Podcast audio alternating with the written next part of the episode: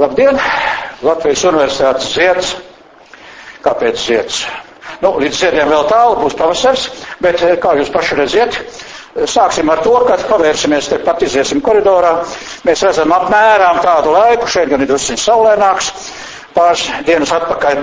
Nu, es jums vēlu veiksmīgu Latvijas universitātes simtgadus pavasaras semestri. Un sekmīgs, lai viņš būtu, tā sekmes būtu, mums ir jāsāk strādāt savus darbiņš, un mēs ķeramies pie mūsu studiju kursa, kur jūs esat izvēlējušies. Šī ir, nu, vēl ir it kā reģistrācijas nedēļa juridiski. E, paldies, ka esat atnākuši šeit uz pirmo tikšanos. Pirmā tikšanās reizē ir arī brīvklausītāji. E, ir tādi, kas teiks, ne, tāds kurs man neder, es e, nekādā gadījumā nereģistrēšos. Citi aizies savām draugam, saka, paklausies. Varbūt, ka te var derēt atnākt vēl pieteikties un pieregistrēties. Nu, skatieties. Mēs būsim apmēram 50, nu, drusciņi varbūt vairāk. Nu, skatīsimies. Pieteikušies bija, es šodien neskatījos, pagājušā nedēļa beigās 59. Tā kā auditorija mums ir pietiekama, sāksim strādāt. Nu, redziet, nu jau ir tā bilde pavisam cita. Skaista, melnbalta, krāsaina. Šeit ir viss, kā mani sauc, nekavēšu laiku. Tas nav īpaši interesanti. Varat man saukt par Andronkuli, pēc mana gadu skaita apmēram varat nojaust, ka es jums varētu būt arī, varbūt par, par tops, ja. Nu, tas, ka jūs esat manas meitas jaunākās, varētu var tā būt. Mums var būt lieliskas attiecības. Es jau šodien beigās pieminēšu, es esmu otrā jaunībā, jūs esat pirmā jaunībā. Un šīs divas jaunības, pirmā un otrā jaunība, ļoti labi saprotas to, jūs zinat pēc tam, kā jums mājās ir. Lai jūs pārliecinātos, ka īstais onkols ir atnācis. Tagad ir visur jāspiež paraules un pirkstu nospiedumi. Nu, pats salīdziniet, es te tā nostājos. Nu, apmēram līdzība ir, tātad īstais onkols ir, un tā viņi tur sauc, un tad tur viss tur ir uzrakstīts. Vai, te ir lauva, mīļie draugi, lauva ir īpaša. Tas ir, nu, tāds man horoskopa zīmīte. Es esmu dzimis augustā. Bet eh, tad, kad atkal pienāks brīdis, tad es drusku pakomentēšu pašu to lauvu. Bet šobrīd es gribu teikt, lauva jums saka ļoti kaut ko būtisku. Mīļie draugi, dzīves pieredze dzīvē.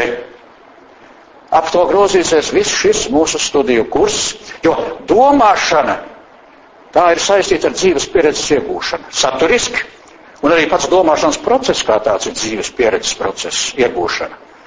Tāpēc es gribu jums to novēlējumu šādu likt, tas man nāk staigā līdzi jau, jo tā lauva, man pirms lauvas bija pūcīta, 2002. gadā es nomainīju pūcīti ar lauvu, un tad no tās lauva šeit jums tagad ir pie jums atnācis. Nebaidieties, būs šoreiz, šodien vēl būs vienreiz lauva parādīsies, pēc tam tikai kursa beigās. Bet atcerieties, atcerieties, lauva saka dzīves pieredze dzīvē. Kas ir dzīves pieredze? Liksim mierā visas kompetences, svešvārds, kurus tagad nesaprot ne skolotāji, ne, ne skolnieki. Nevajag bojāt latviešu valodu ar kompetencēm. Tā ir kompetence latviski, ir, tā ir dzīves pieredze. Ja cilvēks ir kompetents, tad viņam ir dzīves pieredze. Īsi un skaidri. Dakteriem kompetents dakters, kompetents. Optometrija. Atkal tā ir dzīves pieredze. Lietosim latviešu vārdu dzīves pieredze. Es nelietošu šo te vārdu, bet, nu, ja jūs runājat angļu valodā, nu, tad runājiet angļu valodā. Then let's speak English. Competence is privilege. Why not? But I prefer Latvian language, my native language. Okay. Zināšanas, attieksmes prasmes. Ievērojot, zilā krāsā, sarkanā, zaļā. Tās krāsas man visu laiku staigās līdzi.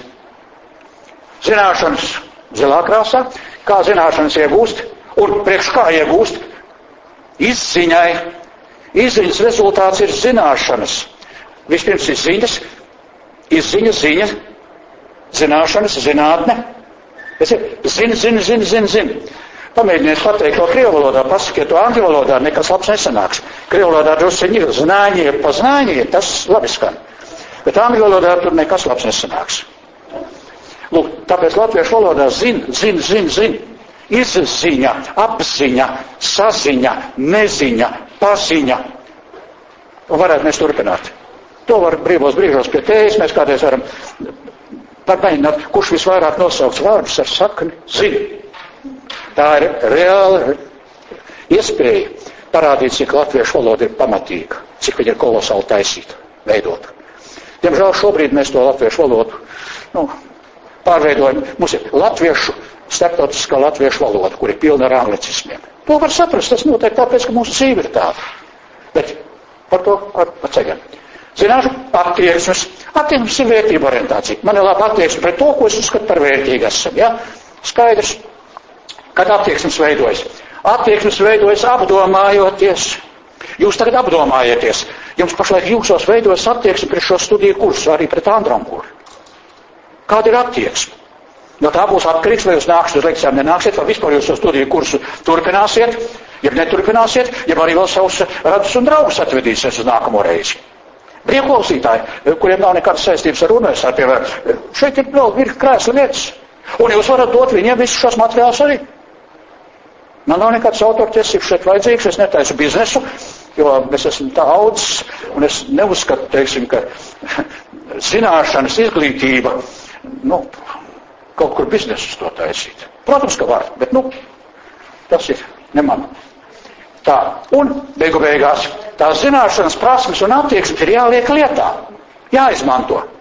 Un tās ir prasmes, ir jāprot tās zināšanas, tās attieksmes, izmantot reālā dzīvē. Jāprot, jāprot, jāprot to darīt. Bet tu zini, ka kaķītiem nevar sist sapultu pat pāstu, vai ne? Nu, tāda attieksme pret skaķīti, ja? Bet viņš ir palaidis piešurājis paklāju. Nu, kāda ir jūsu rīcība? Vai jūs pratīsiet pēc šī bauša? Nu, Bībeli arī bauša, ja? Skaisti jau ar baušas iezubrīt. Bet tā, kad dzīvē tie bauši jāliek lietā, vai ne? Nu, tad vai dieniņi. Tie bauši, ko jūs dzirdējuši vismaz, tie ir nākuši tūkstoši gadu veci. Tā ir dzīves lielākās vērtības tur. Neievēro jau. Un cilvēks neprot būt labs. Viņš grib būt labs cilvēks, bet viņš neprot būt labs. Viņš nemaz nezina, kas tas ir labs cilvēks. Es atkal drusku pie valodas pieķeros. Es ne, nerunāšu par citiem. Es vienu semestri mēģināju, nevis mēģināju, bet vienkārši bija doma angļu valodā šo studiju kursu dot. Jo man medicīnas studenti arī bija ļoti interesēti. Es viņam savā laikā angļu valodā, viņam strādāja fizika praktikumā. Bet pēc tam izrādījās, ka medicīnas studentiem, ārzem studentiem, viņam nav laika nākt uz šo kursu. Kaut gan es to būtu angļu valodā viņam stāstījis. Tāpēc vien, kad nu, viņam jāmācās latviešu valoda. Nu, tāpēc, lai paliek angļu valoda, bet, ja kas, jūs lasīsiet šur tur avotus dažādus, jūs paudzes jau krievu valodu zin nevisai. Jūs lasīsiet angļu valodā, ja tur kaut kas ir. Man arī būs interesanti kādu jaunu vārdu varbūt iemācīties. Jo es drusku tagad vēl strādāju, protams, par vienu dažu žurnālu recenzentu. Un tad es eh, saņemu angļu valodā tekstus, un es vēl drusku iemanījies. Es saku, es jau nezinu, ka tās teksts ir no Austrālijas, bet es jūtu, ka tur ir Australian English. Vai ne? Jo, tā, what does it mean native English? I don't know. Cambridge English, American English, Australian English, Latvian English. Nobody knows. Un te ir tādi joki. Tāpēc, ja jūs skatīsiet angļu valodā tekstus, ja, e, lūdzu, ja kas, es saku, labprāt, es saku kaut ko es savu jums, es kaut ko uzzinu. Jo es neklaiņoju vairs īpaši par tiem plašumiem tur internetā. Es esmu tur savu laiku jau pavadījis, un man diezgan grūti ir atrast kaut ko jaunu. Jo pamatā jau visi groz vienu un to pašu, un es savos gados labākajos, nu es jau to esmu, kā saka, kā saka, uzzinājis jau, jau labi, es labi sen varbūt. Bet parādās arī kaut kas jauns. Un tas ir ļoti vērtīgi. Un ja es pie jums nāku, es, es esmu otrā jaunībā, jūs pirmā. Nu, bet man ir, mums ir jāsaprotās. Un tāpēc es domāju, ka mūsu attiecības būs ļoti labas. Jūs esat jauni, es arī esmu jauns. Tā, nu re, tātad, kas ir par lauvu, nesatraucieties, un tikai vēl kas ir. Izziņa, zilā krāsā, pacelšanās. Apdoma, sarkanā krāsā, attieksmes apdoma. Rīcība, prasmes, prast likt lietā zināšanas un attieksmes. Tur. Un šeit apakšā tā ir tā mūsu reālā ikdienas dzīve. Šo trapeci es šodien jau sākšu tālāk tūlīt lietot. Šis stāsts ir sistēmisks, jeb sakārtots par sistēmisko domāšanu, par sakārtojošo domāšanu. Un tas, ko es jums stāstu un kādā veidā es to daru, Nu, nu, ko es varu darīt? Es taču jums nemācīšu to, un pats rīkošos nesistēmiski, nesakārtoti. Tāpēc man ir šausmīga atbildība kā es te runāšu, ko es jums stāstīšu, kā es to darīšu. Man ir ļoti liela atbildība. Bet, nu, labi, nu, man drusciņi palīdz tas, ka es esmu otrā jaunībā. Tad, kad es biju jūsu gados, es nevarēju šādas lekciju kursus lasīt, un vispār tādas kursus arī nedzirdēju, jo pasaules literatūra arī tagad visi tie vīri, kas stāsta par sistēmisko domāšanu, systems thinking, viņi ir tādi paši onkuļi kā es. Ļoti interesanti. Pēc tam nāk nākamā paudze. Nu, nākamā paudze jau ir savādāka. Labi, Tāpēc es druskuļi tā pakavējos pie tā, es pakomentēju, redziet, tā ir domu karte, te ir domas dažādas. Redziet, paskatieties uz šito. Tā ir zīme, kaut kāda bultiņa zila. Tā ir zīme, kura kaut ko nozīmē. Jūs jūtat, es jums paskaidroju, ko tā zīme nozīmē. Tas ir druskuļi neparasti, vai ne? Parasti jau tik runā, runā, runā, gan jau paši saprot. Tas ir, ka dators pēc noklusējuma Nezinu, tu pasmērķi, nu, pēc tā noklusējuma daudzreiz ir man kolēģi cienījumie profesori, akadēmiķi, kas zina savu lietu. Viņš šeit acīm izoperēs, kā saka, tur es nezinu, ko izoperēs, ciet acīm. Bet viņam pietrūkst dažreiz plašuma. Viņš ārkārtīgi šaurs profesionāls. Es esmu tāds bijis ciet vēl fizikā. Pēc tam izrādījās, ka man ir jāstrādā ar cilvēkiem, un tā no beigu beigās tagad otrā jaunībā es esmu tur, ko es esmu. Filozofija, psiholoģija, domāšana.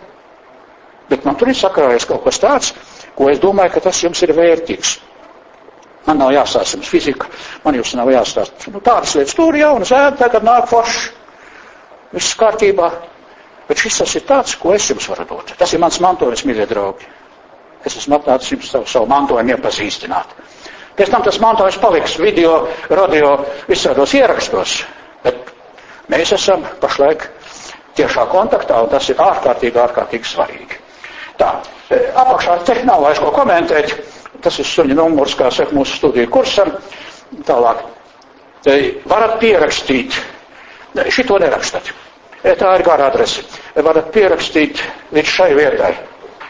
Ja gribat nākt uz, jau tūlīt pat tagad varat ar vienu uzklausīties, ar vienu skatīties savā telefonā.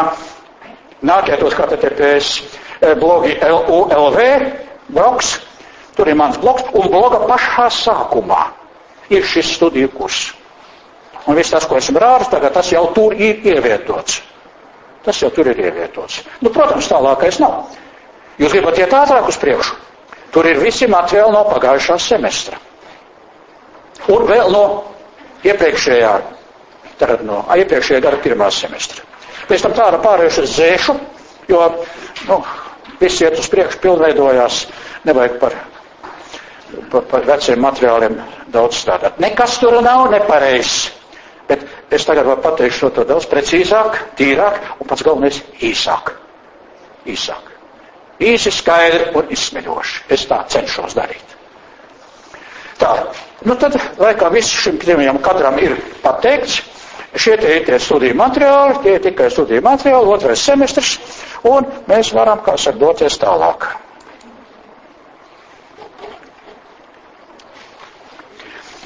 Studija kurš domāšanas sistemoloģija. Vispirms ievads. E, sākam ar iepazīšanos. Nu, tas ir pilnīgi skaidrs. Mēs jau to darām visu laiku. E, attiecīgais datums, vieta, tiem, kas nav klāt, tas šeit ir. E, pirmā ievada nodarbība. Tātad šodien, redziet, nu, vienā krāsā iekrāsojies. Tātad ievada nodarbība. Es jums teicu, es nelasīšu lekcijas. Es nekad neesmu lasījis. Ir, kā saka, tev kaut kāda domu karte, kas tev palīdz to lekciju īstenot. Bet senos laikos gan bija. Senos laikos mācītāji kā runāja. Tagad ļoti reti tad jaunie mācītāji, kas ir progresīvie, viņi sprediķo, nu, kā lai saka, viņi skatās tev acīs un stāsta kaut ko. Vecos laikos tiešām uzkāp kancelē, tāpēc vēl bija priekšā tāds speciāla vieta, kur uzlikt lasāmo, un, tad, un no turienes ceļās tas vārds lasīt lekcijas. Jo vārdi ir vēsturiski. Nu, arī tagad ir kolēģi, kas zina, kas lasa lekcijas, visu cieņu, bieži vien tas ir gudrākais cilvēks Latvijā, un ja viņa tas stāstījums ir nu, tāds, ka viņš grib pēc tekstu turēties, visu cieņu. Nav otra gudrāka cilvēka Latvijā par to jautājumu, kas jums no šeit cilvēki ir. Bet eh, daudzos citos gadījumos cilvēciskāk, to es atkal zinu no sadarbības ar studentiem, nu, ir tā, kā mēs to darām ir tā. Pirmā ievada norima - iepazīšanās ar studiju kursa būtību un sūtību, pats pats galvenais. tālāk ar kursu autoru jūs jau visu laiku iepazīsties pamazām, jo es jau atsazos. Un ietiesamiem galveniem informācijas savotiem. Tas mums ir šodien jāpadara. Nākamā lekcijā tad runāsim par to, kā tad mēs to studiju procesu organizēsim. Tur būs datuma, kalendārais plāns, kas ir jāizdara, kas nav jāizdara, kā to izdarīt. To mēs runāsim nākamā reizītē. Gribat nākt, es ir, ierosinātu. Vajadzētu pirmās divas lekcijas, nu, it kā vajadzētu būt labi, ka tās klātienē šeit, nu, noklausītos. Jo tas ir uzstādījums, kas tas ir un kur kāpēc. Pēc tam, pēc tam skatieties. Bet eh, man parasti ir apmēram kādi desmit studenti, kas visu semestri nāk regulāri. Varbūt, ka šeit būs 15, varbūt 20. Nu, nezinu, nezinu, nezinu. Nezinu. Es jau jums pateicu iepriekš, ka tas viss ir atkarīgs no jums pašiem. Jūs izvēlējāties, jums tikai zinām iemeslu dēļ šo studiju kursu, pēc tam jūs to atseksiet. Par to, to mēs runāsim visu nākamā lekcijā. Un tagad dodamies tālāk pie, pie būtības.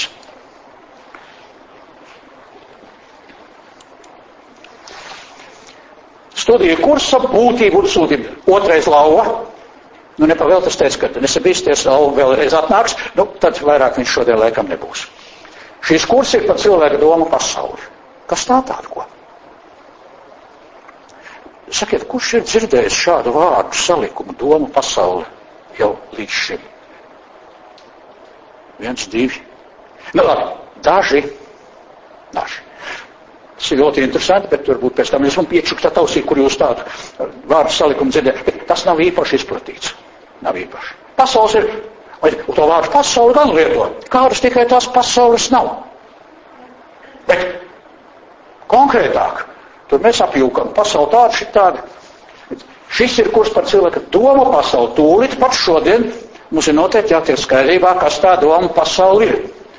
Jo, ja mēs lietojam vārdu, nu, šī gadījumā divu vārdu salikumu, ko tie divi vārdi, ko paņemti nozīmē. Un tur ir divi vārdi. Viens ir domāšana, domas, un otrs ir pasaule. Par pasaulē mēs runāsim drusku vēlāk, bet par domām, domāšanu, to mēs gan drusku šodien jau pārunāsim. Jātiek skaidrībā. Soli pa solītim, bez uztraukuma. Bet es nevarētu šādi runāt ar bērnu dārstu, bērniem. Es varu runāt ar jums pieredzējušiem, 20 gadu dzīves pieredze jums ir, un jums ir visi savi varianti par to, kas ir domas. Mums atkal reizēt nav it kā tā laika, un nu, nevajadzētu ar viņu tērēt īpaši apspriest.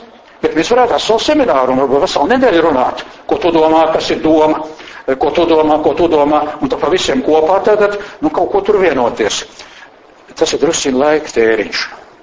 Katram no jums tā vai tā tas ir radošs process. Noskaidrot, ko šie vārdi nozīmē. Bet jūsu gados jau pie tās dzīves pieredzes, kas jums ir, mēs to varam darīt ātrāk. Un mans pienākums jums ir pietiekami ātri redzēt. Pasāstīt, nu, elementāri lietas, bet tās elementāri lietas ir tikai priekš jums elementāri, un varbūt arī vēl nē, bet ne priekš maziem bērniem. Es esmu astoņus gadus strādājis skolā, nu, par viesskolotāju, protams, arī, un viņiem stāstīju to pašu, ko tagad stāstu. Jau kudī laiks pagājis desmitās klases skolēniem. Mēs runājam par dzīvi, par cilvēku. Ir kolosāli astoņus gadus. Es braukāju uz Bausku, uz Bauskas, tagad pirmo, pirmo ģimnāziju. Un kolosāli. Un viņi klausījās. Un viņi es pārliecinājos kā desmitā klasē. Ja dod nopietnu sarunu par nopietnām lietām, viss ir kārtībā. Viss ir kārtībā. Viņi man daudz ko iemācīja, es viņam centos arī kaut ko, un tas viss ir nu, manā pieredzē. Un tāpēc, kurš ir par cilvēka domu pasauli? Nu, tas lauva, tas te viss paliek, tas ir tā, par domu un domāšanas sakārtotību. Sakārtotība ir atslēgas vārds visam studiju kursam. Var, tur ir daudz atslēgas vārdi, bet šis, manuprāt, ir nu, es varētu jau uzrakstīt varbūt ar vēl lielākiem burtiem pa pusi ekrānu. Tas ir tas, ap ko mēs visu laiku grozīsimies. Par ko un kā tu domā, tā cilvēks dzīvo. Un ja tā domāšana un domas ir sakārtots, tad arī dzīve ir sakārtot. Nu, tā es jums tagad saku. Tagad interesanti. Vai tiešām tā ir, ka Sandra Gūs saka? Man liekas, ka jūs nojauta, izjūta Prāts varbūt vēl pagaidām, nu tā, neko nesaka, ne balsts, ne mēlns, bet izjūta saka, zin, tāda varētu būt, kā tas Andrāpuls saka, nu tā lai kā varētu būt. Par ko es domāju, jūs par sevi sakat, par ko es domāju, kā es domāju, nu, tā jau es dzīvošu, tāpēc, ka domas, domāšana vada mūsu dzīvi. Cienījamie topošie daktari. Priekš kā ir asinsvads, sirds asinsvads sistēma. Priekš kā ir viss cits. Priekš kā ir nervu sistēma cilvēkam. Nu, es zinu atkal, ka tradicionālā medicīnā tā, tā to nesaka. Bet, mīļie draugi, cilvēku nervu sistēma, nu, protams, centrā ir smadzenes, un pēc tam viss tas, kur te, kur te neaiziet un tā tālāk. Tā ir cilvēka vadības sistēma. Lūk, kas ir nervu sistēma. Tur pārējais viss, kas notiek, tā ir fizioloģija tīrākā. Bet nervu sistēmā neapšaubām apakšā arī ir nervu procesa, neiroloģija. Neirona un vispārējais, kas tur notiek. Tā ir tāda pat bioķīmija ļoti sarežģīta, biofizika. Bet nervu sistēma ir vajadzīga, lai domātu. Tas ir mūsu dators pēdiņās, pēdiņās dators. To datoru cilvēks pēc savu ģīmu un līdzības uztaisīja tehniski arī. Tikai dators nedomā. Dators ir ļoti brīnišķīga kaste, kura ļoti daudz ko mums palīdz.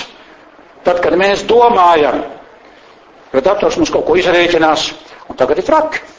Jūs izrēķināt zinat drusciņu vēl? Nu, varbūt, ka drusciņu zinat. Bet nav liela vajadzība, tā nav. Ja nu briesmīgi vajag, tad paņem kalkulātoru. Un tagad jau ar kalkulātoru palīdzību, nu, piedošana nevis ar kalkulātoru, bet jau ar Ziniet, es šo te modernos telefonus tagad nesaucu viņus par viedriem, un tā es nezinu latviešu valodu, ko tas vārds viedrais nozīmē. Tas ir tālu ziņas. Tālu ziņas. Tas ir ziņu, eh, angļu valodā ziņas ir informācija. Es nesaku informāciju, es saku ziņas. Tas ir tālu ziņas. Tās ziņas var tālumā izplatīt. Kādas ziņas vai dieniņi? Lūk, kas ir tas mazais kas jums ir kabatiņā tagad. Bet tur nekāda domāšana nenotiek. Tur ir programmatūra, tā programmatūra ir ielikta attiecīgi procesorā, nu procesorā, ne, procesors ir tas, kas procesē, bet tur blakus ir atmiņa, tur ir programma. Tas ir kaut kas, kas kaut kur attāli veid dara to pašu un palīdz cilvēkam, tad, kad cilvēks dzīvo. Tehnika cilvēkam palīdz dzīvot Tehnika sākās ar ko? Ar pirmo kaut kādu darba rīku, elementāro, vai nu svīru, vai kaut kādu tur sitamo, duramo. Un pēc tam pamazām, pamazām, redziet, cik mēs esam tālu aizgājuši. Nu, šobrīd līdz datoriem, mākslīgam intelektam un kibernetiskām dažādām ierīcēm jau, robotiem. Man tas nav nekas tāds it kā svešs, bet tie sasniegumi, kādi ir, ko es esmu pieredzējis savā mūžā, tie ir fantastiski. Es nekad nebiju iedomājies, sēžot pirmajā, otrajā, trešajā kursā studijās, kad tā, tas viss tik tālu aizies. Bet, nu, te nu mēs esam 2019. gadā. Es iesāku studēt 1960. gadā. Starp citu, interesants jautājums, jo man jau, jau, jau jāiepazīstās, te onkuli arī vēl pamazām ir. Sakiet, cik jūs man dodat gadus? Cik man ir gadu? Cik? Aha. Nu, nav slikti, jā, tā parasti saka. Es jau druskuņi apbēdināšu. Man ir 77. dzīves gads. Man ir arī trīs gadi līdz otrai bērnībai. Otrā bērnība sākās 80 gadus sasniedzot. Bet redziet, es esmu visu mūžu pavadījis kopā ar jauniešiem, ar studentiem. Universitātē, kā es atnācu 1960. gadā, tā es arī stāvu šeit šodien. Nu, tā māja tad nebija, protams, bet Man tagad tepat blakus mājā jā, ir savs stūrītis, ko es varu aiziet un pasēdēt. Redziet, un tas viss te ir saistīts ar to, ka ir jādomā par domāšanu. Un es jums ar šo to pastāstīju tādu, kas mums var noderēt. E, te ir uzrakstīt, jūs jau izlasījāt, un te ir svešvārds. Sakārtotība. To angļu valodā teikt arrangement. Bet runā par sistēmismu. Sistēmisms ir tad, ja kaut kas ir sakārtots. What does it mean system? Ko nozīmē vārds sistēma? Nu, pirmais, ka mēs sakam kaut kur tur, piedošu man, man vai seniem grieķiem, vai vēl kaut kur senāk, ja, tas vārds esot kaut kas tāds kā veselums, kaut kas no daļām sastāvošs. Nu, tā ir. Kā latviešu runā? Nu, ja tas ir veselums, tad es to saku latviski. Veselums, vesels. Nu, tas ir veselums. Mīļie doktori, tad, kad pat cilvēks saka, ka viņš ir vesels, medicīniskā nozīmē, tas arī nozīmē, ka viņam ir visas daļas savā vietā un viss strādā tā, kā vajag. Tas vārds vesels ir ļoti nopietnas vārds. Nu, re. nu, un ko tad mēs sacīsim par sistēmu? Sistēma ir jebkas, kaut kas sakārtots. Atslēgas vārds ir sakārtots. Un ja kaut kas ir sakārtots, lietojot svešvārdu, saka, tā ir sistēma. Vai tur nav nekādas sistēmas. Nu, jūs taču paši esat bieži dzirdējuši, arī paši bieži vien sakat vārdu. Nu, tur tas ir, nu, tur ir bārdaks vai, nu, vai tu sazini, kas tur tas ir. Nu, tas ir žargonā lietoja vārdiņa. Bārdaks ir Tā ir nesakārtotība, tur, kur vajadzētu būt sakārtotībai. Svārds jau arī foršs, bardaks. Nu, krievu valodas paņemts, bardak. Nu, vai šo ir bardak? Ļoti labi. Angļu valodā nu, nav tāda vārda bardak. Bet angļu valodā arī paņēmus vārdus. Perestrojka bija savā laikā, Gorbačova laikā, vai ne, viņa angļu valodā paņēma. Tagad ir Brexits. Ar, šitie vārdi jau attīstās. Medicīnā, kā tik visādi jaunas slimības izdomā, ne tik izdomā vien, bet paši ir noskatās, ka ir kaut kas tāds, ko nevar saprast, kas tas ir. Nu, pēc tam dod vārdu tam. Tas ir kaut kas jauns. Līdz šim nebijis. Nu, tur parādās jauni vārdi. Un latviešu valodā šie jaunie vārdi ienāk uzreiz angļu valoda. No angļu valodas. Nu, tas ir normāli. Muzikā arī viss piano, pianissimo, forti, fortitissimo. Tas viss nāca savā laikā no Itālijas, vai ne? Nu, latviešu valodā, nu, arī var pateikt skaļāk, klusāk, vai ne? Bet, nu, var jau arī teikt šos te svešvārds lietot. Jūs jaunā paudze, jums ir, nu, Tanīs valodās ir jājūtās drusku tā kā zivs ūdenī. Pirmkārt, braukāt pa pasauli apkārt, jāzina, ka tur tomēr runās tādā valodā, tur runās tā. Nu, vismaz maizi, paldies, lūdzu. Nu, tādas lietas vajag iemācīties. Un visu laiku smaidīt. Nepazudīsiet. Pasauli ir lieliska. Labi. Neparastums. Kas ir neparasts? Tas ir izteikti vispār zinātnisks, filozofisks un psiholoģiska rakstura kurs. Un ja nepatīk filozofēt, nepatīk, neinteresē psiholoģija kā tāda, nav jākļūst par psihologu profesionālu, nav jākļūst par profesionālu filozofu, tie ir speciālisti. Bet jebkuram normālam cilvēkam vispār izglītība ir vispār zinātnisks. Piedodiet, šis nav, šeit nav ezotērisks kurs. Ezotērika ļoti nopietna cienījama lieta. Reliģija ļoti cienījama nopietna parādība. Skats jums pasauli. Ļoti nopietna. Bet stop, šeit ir zinātniskums. Šeit ir zinātniskums. Man ir tā zinātniskā izglītība, zinātniskā dzīve bijusi un zinātniskā domāšana. Es esmu zinātņu doktors fizikā, bet, nu, ja tu fizikā esi doktors un matemātikā kopā ņem, te varbūt, nu, tad tas pārējais arī jau nāk klāt, jo fizika un matemātika, fizmatika, tas ir kolosāls pamats ikvienam cilvēkam. Nu, ja skolā fizmatika nepadodās, sevišķi jau matemātika. Tas nozīmē, ka cilvēkam kaut kas nav kārtībā ar domāšanu. Tādā nozīmē, ka vienkārši nepadodas. Un to nepadošanos var sekmēt slikts matemātikas skolotājs, kurš jums stāsta formāli kaut kādas formulas dzen iekšā un tā tālāk. Nu, matemātika taču ir reālā dzīvē visapkārt. Nu, bet to matemātiķis neredz bieži vien. Viņš ir uzkāpis savā matemātikas abstrakcija kalnā un tur dzīvo un domā, ka visi pārējie baidās ajūsmā ka jūs tur augšā sludināt, kā saka, tur, nu, to, ko matemātika tikai saprot. Un tāpēc skolā sekmes matemātikā ir tādas, kādas viņas ir. Nu, nu vienkārši nav padomāts, kas ir matemātika. Kas ir dzimtā valoda un citas valodas. Matemātika ir valoda, kur izmanto, lai aprakstītu nu, to, kas ir tādā apkārt pasaulē šeit. Tas ir apraksts. Matemātiskā valoda tikai. Ja? Tur ir citi speciāli vārdi. Tur nav burti. Burti ir jāalgebrā, ja? x, y un tā. Bet, bet tur ir citas zīmes arī. Lielāks, mazāks, integrāls, līkais. Ja? Tā ir valoda ar savām zīmēm un gramatiku. Un tā jau nepatīk. Tā gramatika nepatīk arī daudziem cilvēkiem, kas zina tā valodā. Tev saka, paklausies, to tu nevari runāt tā, lai tev var saprast. Tas nozīmē, ka tu neesi gramatisks. Tev teikumam nav teikuma priekšnes un izteicējs. A tu gribi, lai tev saprot. Skaista meitene. Skaists. Kas ir skaists? Skaists. Skaists meitene. Ar skaistu.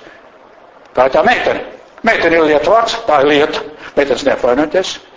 Jūs esat lietas. Un tad ir īpašības vārds. Skaista. Nu, kurš tad negrib būt skaisti? Un ir arī. Viss ir skaists, tikai dažāds skaists. Viss. Es atkal to valodu, bet nekā nevar darīt. Jums jāpiecieš būs līdz pavasarim. Es visu laiku jums, jo valoda ir rīks, kā cilvēks sazinas. Un ja neprot lietot valodu, vārdu nozīmes nesaprot, nu tad, tad var tikai dzert, dzert, kā saka, krociņos, kā saka, aliņu vai ko tur vēl tagad, sidra meitenes jau atzer laikam vai vēl kaut ko tagad, ko, ko viss meitenes nedzer tagad. Vecos laikos bija savādāk. Nu, labi, pieliekam to mierā. Tie visi tādi, lai, lai šo te sarežģīto garo teicienu atkal drusciņi atšķaidītu. Laba lekcija ir ūdens, ko uzlaju šīm te domu kartēm. Te ir viss tik precīzi, korekti uzrakstīts, nu, ka rievis taisni. Ja gribat, iezubrat to, zubrat, to var zubrīt.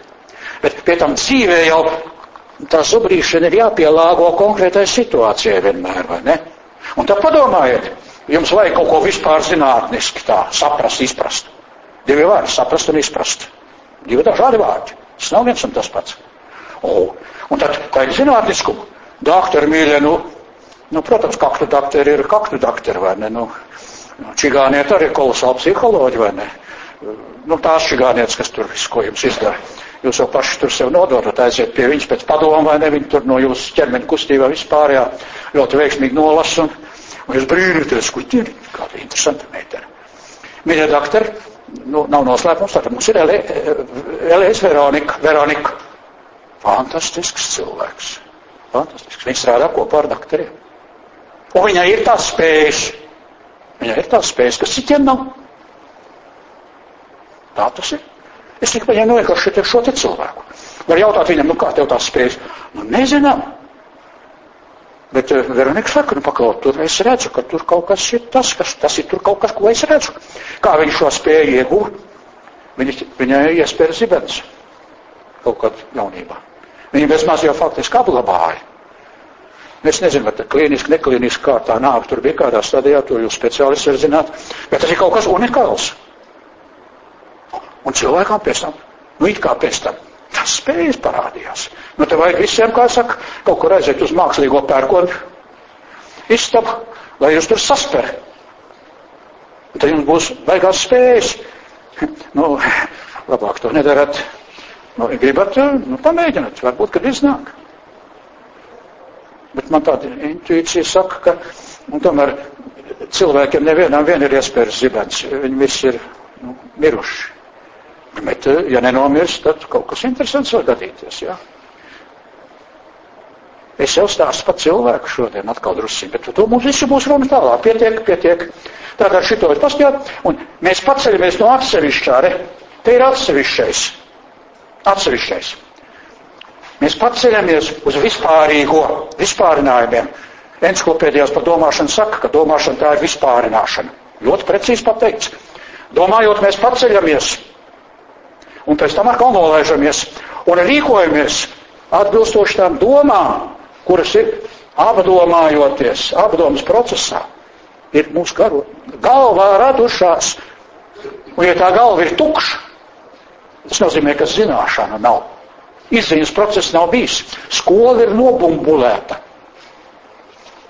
Izziņas process, kur vajadzēja būt. Nu, ko tad?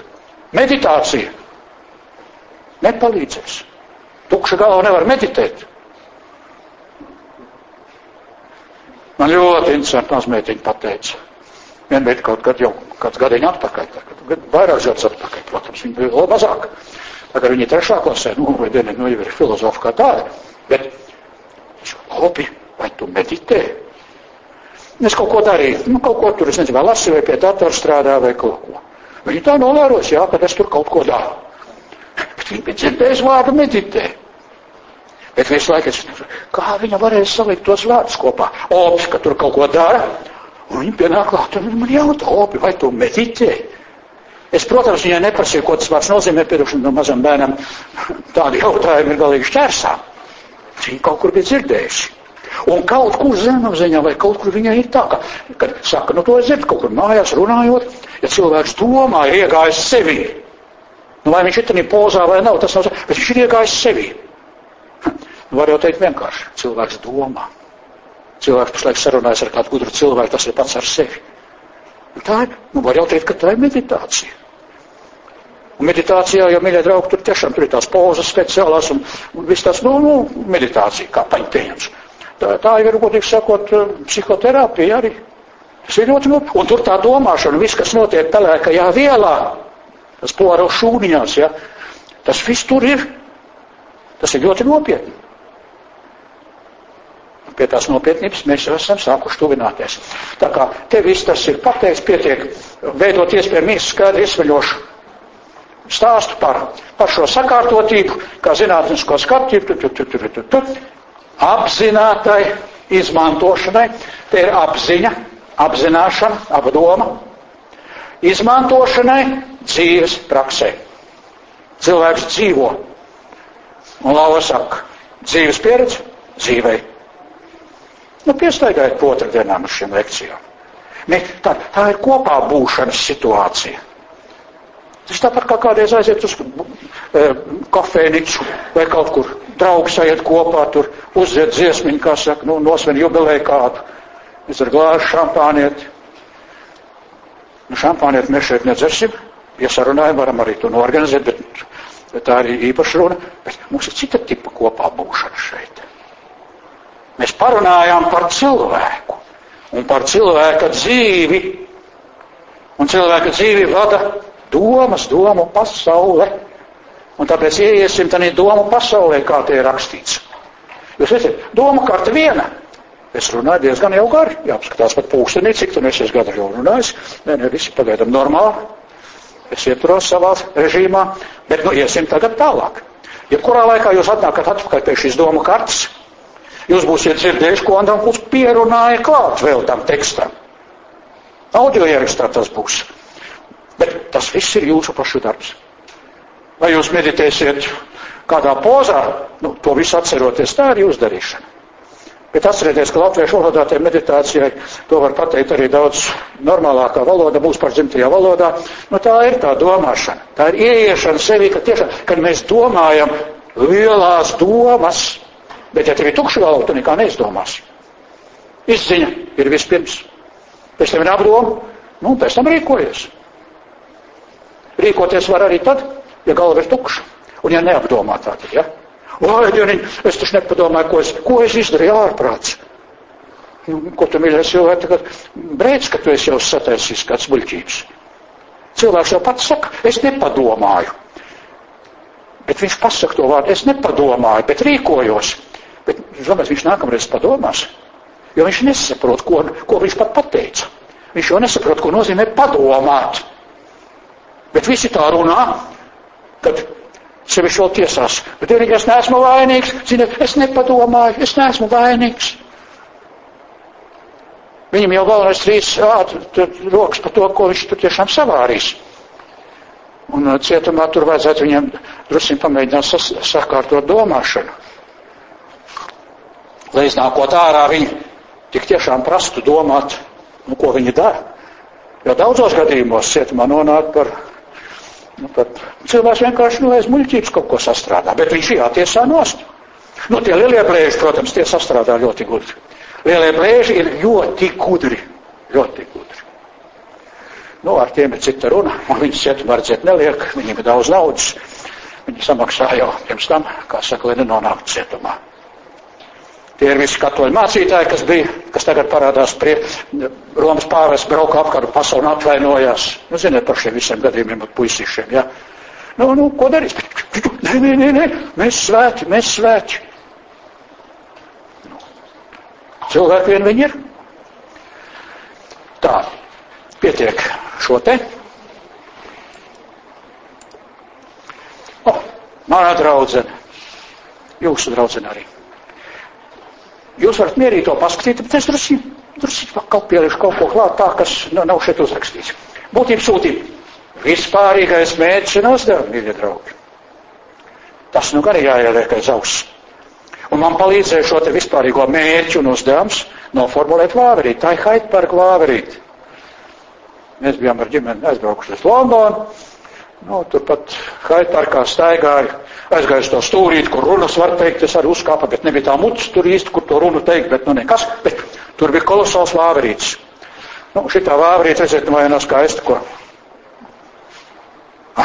Nu, te viņa kā saka, redz, viņa man saka, jums, kursa būtība ir domāšanas sakārtotības, jeb sistēmisma izzināšana, jeb ir sinonīms. Viens vārds ir svešvārds, un otrs ir latviešu vārds. Sakārtotība, jeb sistēmisms. Jūs arī sapratīsiet, angļu valodā būs sistēmika, latviešu valodā sakārtots. Un ja mācās uzreiz tikai sistēmika, sistēmika, mazam bērnam pasaka, nu, sakārto mantiņus. Viņš saprot, ko viņam prasa. Viņa neviens nesaka, nu, sistemizē to savu tur da, kaut kādu mantiņus. Bet pēc tam nezinu, kāpēc mēs aizversām latviešu vārdu un sākam lietot svešu vārdu. Vajag lietot abas, protams, bet vajag saprast, kas ar ko ir saistīts. Nu, labi, nu, Vāverīs tur mēs lieliski sapratāmies, viss bija kārtībā, mēs vienojāmies, ka tā šim studiju kursā var būt, un sūtība ir Nu, izmantošana dzīves praksē. Nu, nu izmantošanai. Jūs esat pirmā jaunībā, mēģināt cilvēku. Kas atdala pirmo jaunību no otrās? Ir tās posms cilvēku dzīvē no 40 līdz 60 gadiem, eh, kuru vajadzētu saukt, varētu saukt par briedumu. Tas ir briedums. Briedums. Pirmā jaunībā ir jāsagatavojas briedumam, jānobriest. Skolā? Nē, skolā tā ir pirmā bērnība. Pirmā bērnība beidzās, nu, nu dažam nebeidzās visu mūžu. Vai ne? Bet, nu, man otrā bērnība būs pēc trim gadiem. Bet skolā bauda to dzīvību, tas ir iesākums. Tā ir bērnība, un bērnība nav jaunība. Un ar bērniem jāpiec kā ar bērniem, bērnība nedrīkst atņemt cilvēkam. Tagad, tā kā jūs savam mazam bērniem iedodat jau šo te mazo tālzenīti, nedarat to. Nu, viņš spēlēsies tur kustēs, bet viņam ir jādod pavisam kaut kas cits. Ar viņu ir jārunā. Cilvēks ar cilvēku. Viņam ir jādod intelektuālās rotaļlietas. Jā, intelektuālās rotaļlietas. Man nu, visus trīs manas mīļās, es viņam speciāli atveru īsto Krievijas no Maskavas vienreiz, laikam, te no Pēterburgas, Krievu matrioškas. Tā ir intelektuāla rotaļlieta. Nu, matrioška jākrāsa. Es saku, paklau. Nu, te var atvērt. Ā, tur kaut kas ir iekšā. Nu, ka kaut kas ir iekšā, viņi jau zina no konfešu kastes. Tur tas nekā jauns atklājums nav. Ā, bet, bet, bet tur ir atkal var atvērt. Tā ir domāšana, sistēmas, tā ir iešana dziļumā. Un pēc tam, kas notika? Pirmoreiz, protams, viņam vajag ideju iedot. Es nu labi, nu tagad pābiem, nu, pako, eh, tur tā maziņā, nu, ieliec to maziņo, tad ir drusciņi lielākajā, es to visu lielo nolieku tā, ieliec šī. Nu, to pēc tam ieliec varbūt, ka tur, nu, paskatīsimies. Otrais tas nebija jārāda. Viņa uztvēra šo. Pirmkārt, viņam bija interesanti.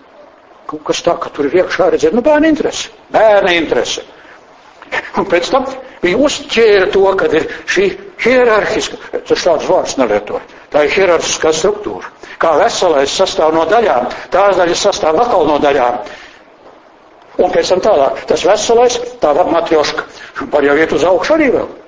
Vēl lielāka matrioška, kur tā matrioška ieliekam iekšā, un tad mēs aiziesim kosmosā. Viņam jau ir ieliks no rotaļlietas šī vertikālā domāšana. Doktori, cilvēks, veselums. Un tad aiziet, jūs ieiet cilvēkā. Nu, anatomiski, ja.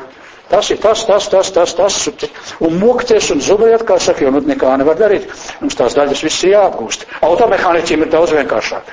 Viņš automobīli iemācās, tas ir tas, tas ir tas, ir tas, tas ir tur tam pieskrūvēts, un ja tas ir beigts, tad to izņem ārā un izmet ārā. Nu, cilvēkam ar šo to var izņemt ārā un aizdot sāpot suņiem, bet eh, ne visu.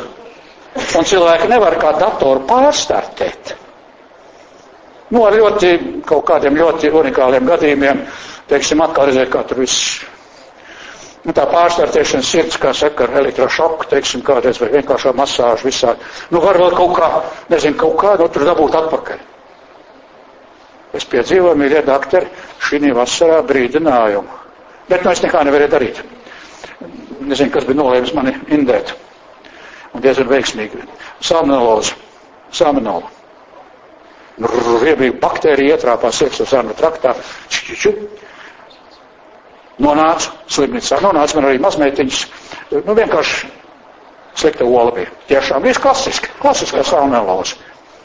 Bet es dabūju tā pamatīgi ciest. Tāpēc, ka man ir drusci tie gadi.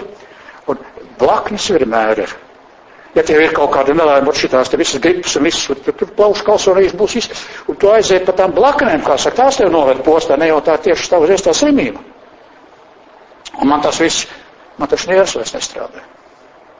Pēc tam, jā, visi gudri, nieru un aspēju un tā tālāk. Nu, es nezinu, jūs man varat dot padomu, dakteri. Man tur druskuļi pastāsties, ka gulēja trīs stundas, kā saka, pie mākslīgās nieras, tā māsiņas, es ir pulusi, tu pastāsti man, ko tu ar mani dari, kas ar mani notiek, jo man interesē. Nu, tā viņa tā trīs stundās, nu, nekas jau tur nav, tur bija šī mugurēja garlaicīgi, tu tur guli, un, un tad tev, ko tev dara? Tev piepalīdz, nu, filtrēt asins. Pēc tās reizes es stipri esmu domīgs. Ir jāuzmanās. Nu, no salmona es tur neko nevarēju darīt. Tā ola tur trāpījās, gadījums, vistīrākais gadījums, neviens man to olu tur mums neiedeva, lai mēs tur visu sabojātu savas ves veselības. Nu, esam tikuši cauri. Man nefroloģi saka, viņi saka, vai tev ir veicies. Protams, tā nieru mazspēja tev izrādās, ka ir bijusi un ir tagad, un tu vaļā no tā vairs netiksi, jo tu esi onkols. Bet nu, es vismaz zinu, ka ir jāuzmanās. Un kas ir kur kā jādara. Mīļie doktori, redziet, nu, es zinu, ka jūs te esat, nu, jūs to zināt par man tūkstošreiz labāk, bet tas jums arī tūkstošreiz labāk, ko jāzina. Bet ikvienam cilvēkam ir jāzina kopumā tas cilvēks kā veselais un sastāvoši no daļām. Nu, es drusku kaut ko uzzināju vairāk par nierēm, par visu šito. Bet, nu, nu labi, nu, nieru var pārstādīt, vai ne to vēl tā, bet ir visādi citas lietas, kur nāc, kā saku, pamatā klāt netiek. Vairāk dziedzeri var izgriezt, cik var saprot, jā? Ja? Aizkuņa dziedzeri to vispār tur ar nasu klāt neiet neviens. Tā laikam esot. Nu, ko darīsi? Es, veselais un daļas. Automašīna kā veselais un daļas. Ģimene. Veselais. Kāds ir ģimenes daļas? Tikai nestāstiet man par ziliem cilvēkiem. Nevajag to saukt par ģimenēm. Visu cieņu tās ir partnerattiecības. Tās ir partnerattiecības. Bet Tā nav ģimene. Ģimene ir vīrietis, sieviete un viens, divi, trīs paštaisīts, ja arī nu palienēti vai kaut kur no kaimiņa paņemti bērni. Ģimene ir vīrietis, sieviete un bērni. Āmen, viss. Veselais un daļas. Veselīga ģimene, vesela ģimene. Nu, ne. Un tā pavisam cita joma. Nu, medicīna, nu, tur nebūs. Kaut kāda mašīna ar ģimeni nav mašīna. Bet domāšanas veids veselais un daļas. Nu, re, nu mēs jau to visu pārnēm, šito visu izskatījām. Un šeit jums arī viss ir pateikts. Šitā jaukā vēlrīt, viņi man apēd visas bombongas, ko es biju no Rīgas paņēmis līdzi. Jo, nu, ziniet, kā aizbrauc kaut kur, tās bombongas vienkārši nu, šokolāds konfekts, arī par šokolādu kā tādu. Nu, vienkārši neies jau tur pa restorānos kaut kur tur, tur, nu, kaut kur staigā apkārt, vai, nu, maz stāflīt, bišķiņ nokot, un līdz vakaram jau tu var izskriet. Nē, tas man viss noēd. Tu biji tik forši. Bet mēs labi pastrādājām abi priekš jums. Nu, viņi pateica, mēs vienojamies, vajag tās zināšanas, vajag tās attieksmes veidot. Un gan to, gan to vajag likt lietā. Nu, ko? Nu, Laura Pāvrīč vienojās. Forši. Domu pasaule. Nu, re, nu. Gāja, gāja uz riņķu un apkārt, sagatavoju jūs. Nu, tagad te ir uzrakstīts melns uz baltu, drusku sarkans. Jo viss, kas man ir doma pasaulē, un pati doma pasaulē, un apdoma, atcerieties lauvu, Tur ir sarkanais augšā apdoma. Tur man ir sarkanā krāsa lietota viscaur. Sistēmas, tas vārds, sarkanā krāsā, jo sistēmas ir tik un vienīgi, tās ir domu sistēmas, un domas ir tur, kur viņām ir jābūt, viņas ir pelēkā vielā. Automobīlu nedrīkst saukt par sistēmu. Mēs viņu kā sistēmu atveidojam savā domu pasaulē, ja es to automobīlu redzu. Bet eh, automobīls ir automobīls. Anna Minna Grieta, Jānis Pēters, tās ir lietas. O, bet kā es te apveidoju? Ui, es tev paskatos, jā. Man domas kāds visāds rodās. Un es esmu jums visiem pašlaik jau zemapziņā iekšā. Gribiet vai negribiet. Es kaut ko esmu redzējis, dzirdējis, sapaustījis, aiziet iekšā. Tikai pēc tam tas viss tur nogulsnējās un tikai tur nu, hipnozētā vispār, ja viņi var jums uzcelt augšā, kas tur jums tur īsti ir iegājis. Bet tā ir doma un pasaule. Es sākšu šo te stāstu drusciņu ar vienu klasisku piemēru. Sakiet cik jums ir mammas? Viens saka, viens, divi. Labi, auga mammas noliekam malā. Ja mēs runājam par bioloģisko mammu, nu, māti, māti, ja, nu, kur, no kuras olšūniņas, kā saka, mēs esam tapuši. Jauki. Es šodien jūs aiziesiet uz māju pēc šīs lekcijas, un jūs būsiet bagātināts. Mums katram ir divas mātes. Divas. Viena ir tā, kur jūs aiziet mājā, pasveiciet no Andra un kur pasakiet paldies, kāds foršs meitenes zēni, nu, tā jūsu ģimenēs ir iznākuši, ja? Tā ir tā māmiņa, kur tu aizēji, viņa ir tā reālā māmiņa, nu, es viņu tur redzu taustu un dzirdu. Es saku, tu savu māmiņu, te, man tāda jūšana, ka tavu māmiņu man blakus stāv šeit. Es viņu neesmu redzējis, ne dzirdējis, es drusku viņu tagad tā blefoju, bet, nu, te, bet es ļoti nopietni to saku. Sapšit, kā tu domā? Tev stāv tava māmiņa man te blakus? Aha, diplomāti. Tev redz sapniņi ir? Jā. Ir. Tu vari iedomāties savu māmiņu stāvam man blakus šeit. Pilnīgi visi, es jau pajautāju tev, paldies, mēs tā abiem labi saspēlējāmies. Pilnīgi jūs visi, jūs savu māmiņu varat nolikt man šeit blakus. Un ne tikai savu māmiņu, arī savu tēti, savu suni, nu, visu ko. Jums ir domas, un ir viena māmiņa, ir tā reālā māmiņa, ko jūs, kas jūs laida pasaulē redzēt, kur ir mīļa, mīļa jauka, laba. Fiziski mana māmiņa ir meža kapos, smilšu kalniņā. Bet es vēl joprojām, tā otra māmiņa ir manī. Tā ir doma. Un viss, kas ir zemapziņā saistīts, es taču dzirdu vēl, kā viņi man, nu, ar mani runā. Ko viņi man ir teikusi, ne jau visu, bet ir. Jums arī līdzīgi kaut kas, bet tā, ka jums arī būs tie 77, tad jūs arī pavisam tā interesanti pastīties atpakaļ. Un būs jums tur tā māmiņa, viņa jums šodien arī kaut viņa šeit nav. Grūtā brīdī jūs arī varat sākt raudāt, māmīt, ko tu esi nācis palīgā. Nu, tā viss ir psiholoģija. Tas ir ļoti normāli. Un tātad jūs esat bagāti. Jums ir divas mātes. Un ir kaut kāds surrogāts visu riņķi un apkārt, bet īsts kārtīgs mātes. Tā reālā un tā māte, kas ir domās. Un kamēr jums domas pasaules būs vesela kārtībā. Doma pasaule ir vajadzīga kas? Pelēkā viela, smadzenes. Un smadzenēs ir jānotiek fizioloģijai. Ka cilvēks ir dzīvs. Tā kā cilvēks ir miris, nu, mirst miesa un mirst, un mirst, nu, ja mirst miesa, tad mirst arī smadzenes. Nu, ir smadzeņu nāve. Daktere, zinu, es nezinu, vai jūs cik uz kurā kursā esat un kurā gadā to par to stāsta.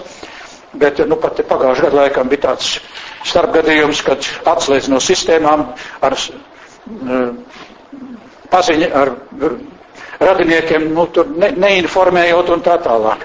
Nu, uzreiz radinieki, nu kā tā drīkstē bez mūsu ziņas un tā. Nu, bet doktori zina, ja ir smadzeņu nāve, tad, nu, tā nav klīniskā nāve, jo klīniskā nāve tur kaut kas ir savādāks. Ap es nezinu detaļas. Vai jau te parunājot ar reanimācijas cilvēkiem un tā tālāk. Es druskuļi parunājos, tad, kad es gulēju tur Valmierā slimnīcā šogad, jo man abi šī vien brīdī es biju re, re, re, reanimācijā visu to savu, man filtrācija bija nojukusi, atslēgusies. Nu, paldies Dievam, viss atnāca atpakaļ. Cilvēks, cilvēks, cilvēks. Psiholoģija un fizioloģija. Un tas garīgais. Un atmiņa, domāšana, tā ir cilvēka garīgā dzīve. Un vārds garīgums Tā nav pasniedzis dzīve. Pasniedzis neapšaubām ir garīgā dzīve, bet garīgā dzīve ir arī zinātniskā darbība. Garīgā dzīve ir mākslinieka dzīve. Tas viss ir garīgums. Tas ir garīgums. Tu brauc ar auto. Klapš, tu taču domā, kur tu brauc un kāpēc tu brauc, un tu, un tu dod komandas muskulatūrai, kas spiež tur un vēl visus tos kloķus. Tā mašīna ir tikai rīks, kas izpilda to, ko tu gribi.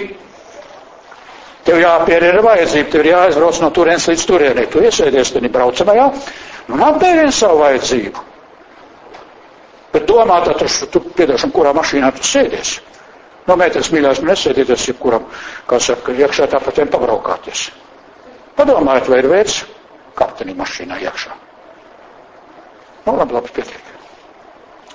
Tas viss ir iziet ietur, iziet, ap ko mēs grozamies visu laiku ap domām. Un tā ir tā doma pasaule. Un te, kas, tas ir visuma atveids cilvēka nervu sistēmā. Nu, tā nu tas arī ir. Krievu valodā saka atobražēņie, attēlojums, angļu valodā saka reflection. Tagad mums runā par refleksijām. Jau aizmirst latviešu vārdu, ka jārunā. Es nevis reflektēju, es uz tevi skatos un tevi reflektēju, kur nu savā domu pasaulē. Nu, kāpēc reflektēs? Neesmu nekāds spogulis, reflektors. Jo tam vārdam ir uzņemta tehniski pieejaši arī. Bet es, es atveidoju tevi. Un jums ir iekšā atvērta tiesības, tev ir tava māmiņa, un, un tava māmiņa tu vari savās domās nolikt man blakus šeit. Un tas aiziet kopā realitāte un nerealitāte. Reālais un nereālais ir kā labā un kreisā roka.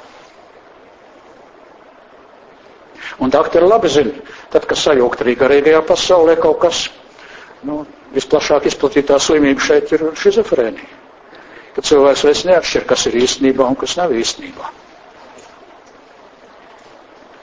Un to vairs nevari kontrolēt sevi, ka tava māmiņa ir mājās. Domās to viņa var te nolikt, un domās viņa tev visu laiku līdzi, bet tās ir domas, un nevajag jaukt to domu ar realitāti. Cik tas ir elementāri?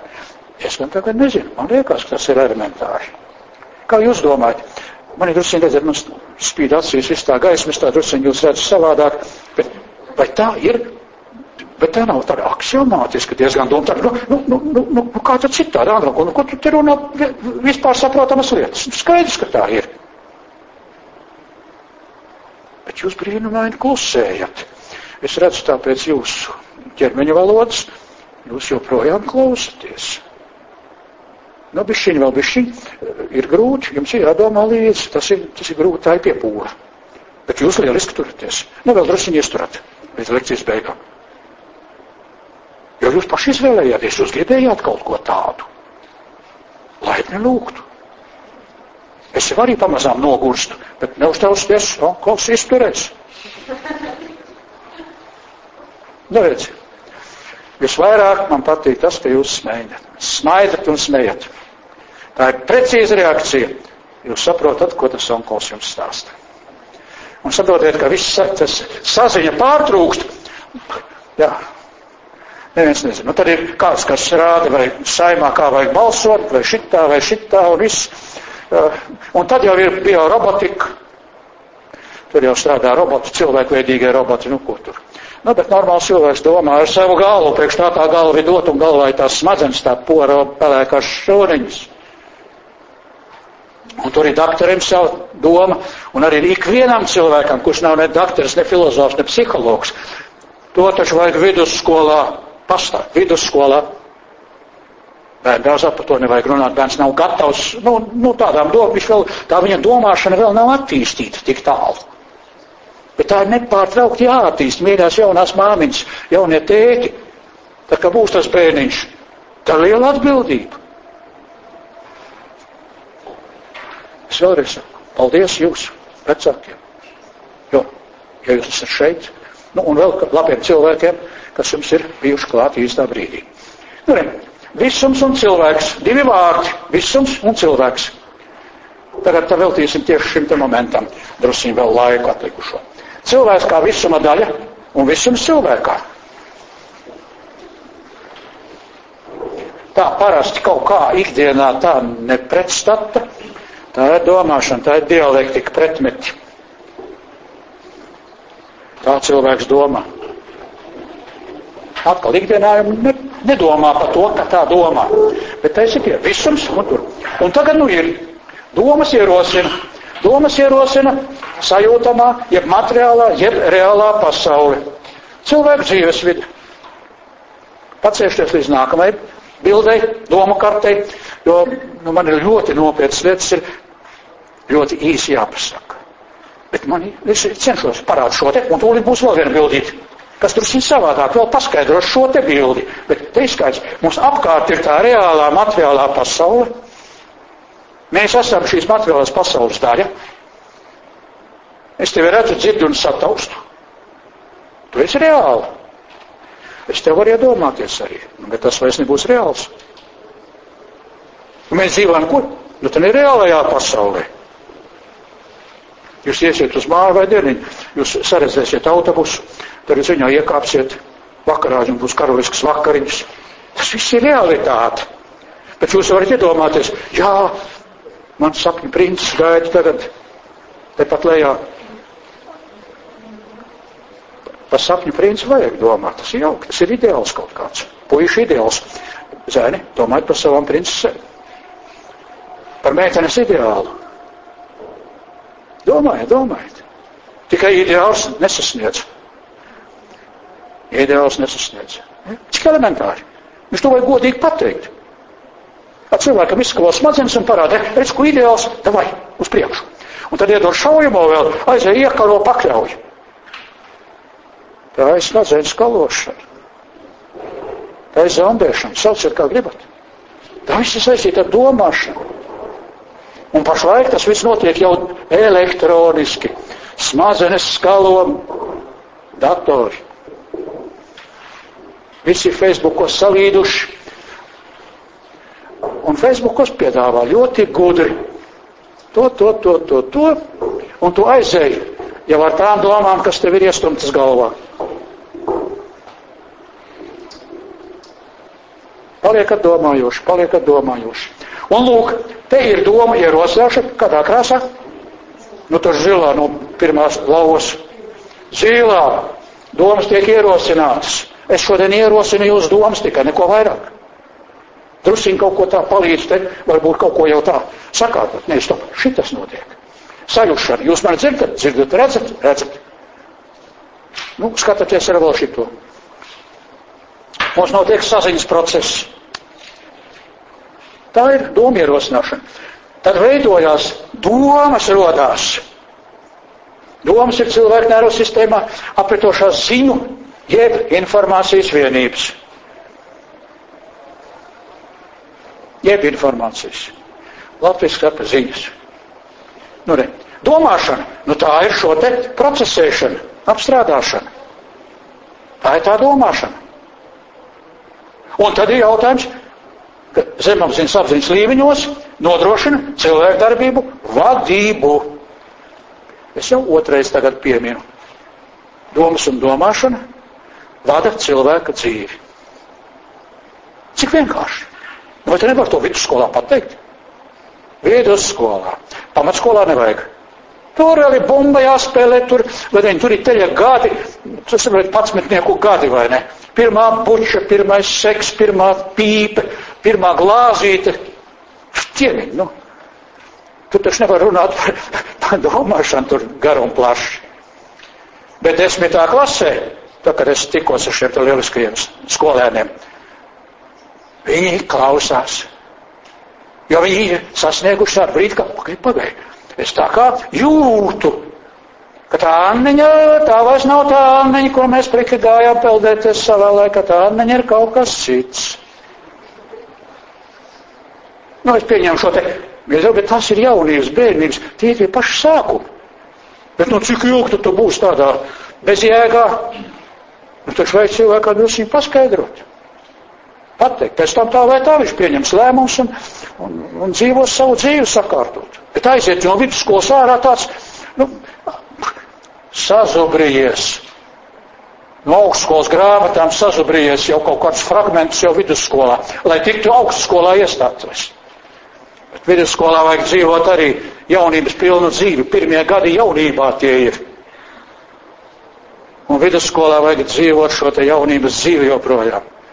Nu, tā tā kā augstskolā, nu, tur laikam jāuzvedās un jādzīvo laikam jābišķiņ savādāk. Nu, tā kā jūs to darat. Šo kursu redziet, jūs izvēlējāties. Un visa dzīve turpmāk un tā saistīta ar izvēlēm. Lai apmierinātu kaut kādas savas vajadzības, kur jūs paši zinat. Kāds, kuram katreiz vajadzības ir, kurā laikā, kurā vietā. Nu, tas tā.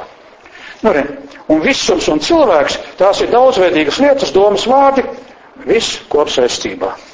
Un kopsaistība, manuprāt, ir otrs dižākais atslēgas vārds šajā studiju kursā. Šo studiju kursu tematiku dažādi onkuļi visā pasaulē stāsta dažādi.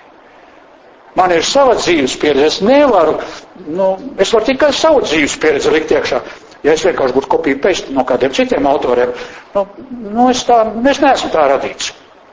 Man dzīvē bijis patstāvīgi visu laiku jācīnās, jāstrādā. Nu, es strādāju ar to, ko es esmu sastrādājis. Bet es paskatos, kas ir šiem gudrajiem cilvēkiem citās zemēs arī. Izrādās, ka mēs esam kolēģi. Mēs jau par vienu un to pašu vienu faktiski runājam un domājam. Tikai viens runā angliski, viens runā franciski, viens krieviski. Bet par vienu un to pašu. Tāpēc es jums stāstu to, nu, ko es varu stāstīt. Tā. Visums un cilvēks. Kas ir visums? Visums ir vārdiņš viss, viss. Seļienai krieviski ir ļoti labi. Vsjo, vsjo, vsjo, viss. Seļienai ļoti labi saprast. Angļu valodā man ir grūtības. Kas ir visums? Universal, universal. Uni, uni, unikāls un tā. Tur ir viens, uni, uni, uni. Tur ir cita sakta. Man meitai vārds ir una. Nu, mana vienīgā. Bet nesanāk tā kā visums. Nu, tad angļu, vispār angļu valoda ir ļoti putrēna valoda. Esiet uzmanīgi. Nav vienīgās pareizās angļu valodas, tā ir sena valoda, un kas tik tur viss nav samaisīts kopā. Un tāpēc ir austrāliešu, amerikāņu un visādi citas valodas. Un tad ir vēl kā saka, kāda ir nu, cilvēkam balss saites kā strādā, jūs zināt, visādi akcenti parādās, un es ļoti labi zinu, teiksim, ka krievu cilvēku runā angliski, uzreiz jūt, ka viņam ir krieviskais akcents, piemēram. Japāņi jūs sastapsieties, arī Japāņi arī ļoti interesanti angliski runā. Nu, bet jaunā paudze dažreiz tagad viņi jau ir, ir savādāk. Jo parasti jau to apgūst kā dzimto valodu, kamēr tu esi skoliņā vēl. Tagad jau skolas laikā jau tur visiem datoriem, tu esi pilnā pasaulē. Un mana vidējā mazmeitiņa, viņa taču pa to datoru dzīvo kā pa savu, es nezinu, kabatu. Ne, un viņi ļoti labi saukās angļu valodu, tāpēc, ka viņi visu laiku arī klausījušies un dziedājas līdz dziesmas un vispār, jo viņa angļu valoda viņai ir perfekti. Arī viss izruna, jo tā ir dzirdēta. Bet ja senos laikos tikai tur dzirdēja tēva māti, un ja tēvs un māte vēl ar jums maz runāja, Jā, nu tad pēc tam bija diezgan grūti. Nu, tām runas. Tā runa nav. Pirmkārt, viņa nav dzirdēta nemaz bieži vien. Un kur tad vēl izkopt? Nu, labi, pēc tam, ka skolā tur, tur revīgo gramatiku sāk mācīt. Bet gramatika jau palīdz sakārtot tikai tos vārdus, lai tu vari pastāstīt citiem. Nu, re. Un te nu ir tā doma pasauli domas, te ir doma materializācija, pārēd saziņā, iemiesošana citās lietās un tālāk. Viss notiek. Un nu ir tā superlielā bilde. Visums. Visums ir viss, kas ir tavā, tavā, tavā, tavā, tavā, tavā, tavā, tavā, tavā, manā galvā. A, kas galvā ir? Smadzenes, un smadzenēs ir domas. Nu, galvā ir viss, kas cits ar. Kaula tur ir pats galvas kauls. Liksim tos kaulus mierā, paņemsim pelēko vielu, bet mums interesē pelēkā viela pēc tā savu, ne tā fizioloģiskā satura, bet informacionālā satura. Un tās ir domas, kas ir pelēkā vielā. Un ja pelēkā vielā nenotiek asinsrit un vispārējais, nu, paldies, tur viss tie insulti un kas notiek smadzenēs, nu, tās, tās šausmu lietas, un tālāk tur nāk tas smadzeņu nāva un viss, kas tāds. Nu, ja ar smadzenēm pagaidām, nu, nav, smadzenes netiek pārstādītas, vai ne? Nu, ej, tu sazini, vai to tik ātri vispār spējas izdarīt, vai ko. Jo, nu, cilvēks tomēr ir radības kronis. Nu, tā vismaz mēs par sevi domājam. Bet, nu, savs pamats tā ir. Nu, re, visums. Visumam ir divas daļas. To jau cilvēks tā savā prātā domā. Aha. Tā viena daļa ir zināmā daļa, un viss tas, kas ir zināms, zināmais, tas ir šeit. Visuma cilvēkam zināmā daļa, to sauc par materiālo pasauli. Es ļoti atvainojos pats savā laikā, es līdz eksāmenis visās filozofijā un tā tālāk. Pēc tam vēl padziļināts tur pētījis, neviens man to neprasīja, bet man bija interesanti. Nu tā filozofijas grāmatās parasti neraksta. Bet vajadzētu tā rakstīt. Tāpēc, ka vajag skaidri pateikt to, kādas ir attiecības starp diviem vārdiem - materiālā pasaule un nemateriālā pasaule. Es jau esmu jūs sagatavojis. Materiāls ir viss tas, kas ir redzams, redzams, sataustams. Un ja ir domas, reālās domas, tad tās ir tās, kuras var materializēt. Un tagad paskatāmies. Ja tā zināmā visuma tā, viss, viss, viss. Nu, viss ir bez galva, bez malas, neviens nezina, ar ko sāks, ar ko beidz, bet ir tā zināmā daļa no tā visuma. Nu, tā ir tā, kas man ir te. Un vienam tā zināmā daļa ir tāda, otram ir tāda, trešam ir tāda. Dakteriem būs dakteriski, medicīniski tipa domas vairāk, optometriem būs, nu, ar atstiņām saistīts vairāk domas, tur fiziķiem kaut kur ar fiziku saistīts. Tās jau ir detaļas. Bet tas kopīgais domu sakārtojums kā tāds visiem cilvēkiem, kas sugai ir viens vienāds. Un tā ģenētika, kā jūs zinat, arī labi Tas ir jauka bioloģija, ģenētika tagad stāsta, ka es gāju skolā tā ģenētika, bet mēs, mēs nu, pirmkārt, nu, viņas lāgā nebija arī, un otrkārt, tā, ka viņi radās, tad jau padomu savienībā par to centās teikt, ka tas ir kaut kāds vēl iestādījums, tā ģenētika. Un kibernetika tāpat, bet, nu, tā bija padomu savienība. Nu, mēs jau sapratām tomēr. Viena lieta ir ideoloģija Maskavā centrāla komitejā partijas, un otra lieta ir reālā dzīve. Un man kā fiziķim, kā zinātniekam dzīve bija pavisam savādāk, jo, teiksim, tur neviens, neviens nejaucās iekšā politiski apsvērumu dēļ, jo, nu, sapratu, ka piedošana. Tur, tur fizikā nav ko man darīt, vai ne, lai tie fiziķi tur. Tikai, lai tie fiziķi netraucē mums taisīt politiku. Tas gan bija fakts. Bet mums nebija ne laika, ne, ne interesi to darīt, mēs darījām savu. Taisījām zināt. Es nodarbojos ar cietvēl fiziku, pētīju attiecīgos materiālus jaunos un kāds tur ļoti forši. Labi. Lūk. Un materiālā pasaule, nu, dabas vide, cilvēku vide, tehnovide. Jūs varat vēl bez šīm trim daļām kaut ko līdzīgu nolikt blakus. Padomājiet, ja varat, darat to. Es nevaru vairāk neko pielikt šeit klāt. Bet es nesaku, ka var jau būt, ka kaut ko var vēl pielikt. Bet nu šobrīd ir tā, tā ir dabas vide, cilvēkvide un tehnovide. Dabasvide ir dzīva un nedzīva. Angļu valodā tur ir diezgan problēmas ar terminoloģiju. Žuvoja, nežuvoja priroda, krieviski ir viss kārtībā. Latviski arī parunājot angliski tagad dzīvā, dzīves, life un life. Dzīve, dzīve, dzīvība. Ujojoj, angļu valodā tur kaklu var nolaust. Esiet uzmanīgi. Ja gribat izprast, pabeidziniet domāt latviski. Jūs izpratīsiet. Tāpēc, ka vārdi palīdzēs jums izprast, jo vārdi iet kopā dabiski kaut kā ķēdējās. Vārdu saknes ir priedēkļi, piedēkļi. Angļu valodā, redziet, tur jau vārdus izrunā arī. Raksta tā, izrunā tā, pēc tam Anglijā izrunā tā un runā tā, citur izprot tā. Visā pasaulē ir viens liels, liels pārdaks. Bet angļu valoda ir pasaules valoda. Nu, ne jau tikai viena. Esiet tam gatavi. Labi, Cilvēks ir daļa no sabiedrības un daļa no materiālās pasaules. Jo šitā ir matrioška. Reko lielā matrioška ir materiālā pasaule. Un tad matrioškā iekšā ir dabas vide, cilvēku vide un tehnovide. Tur trīs matrioškas ir iekšā.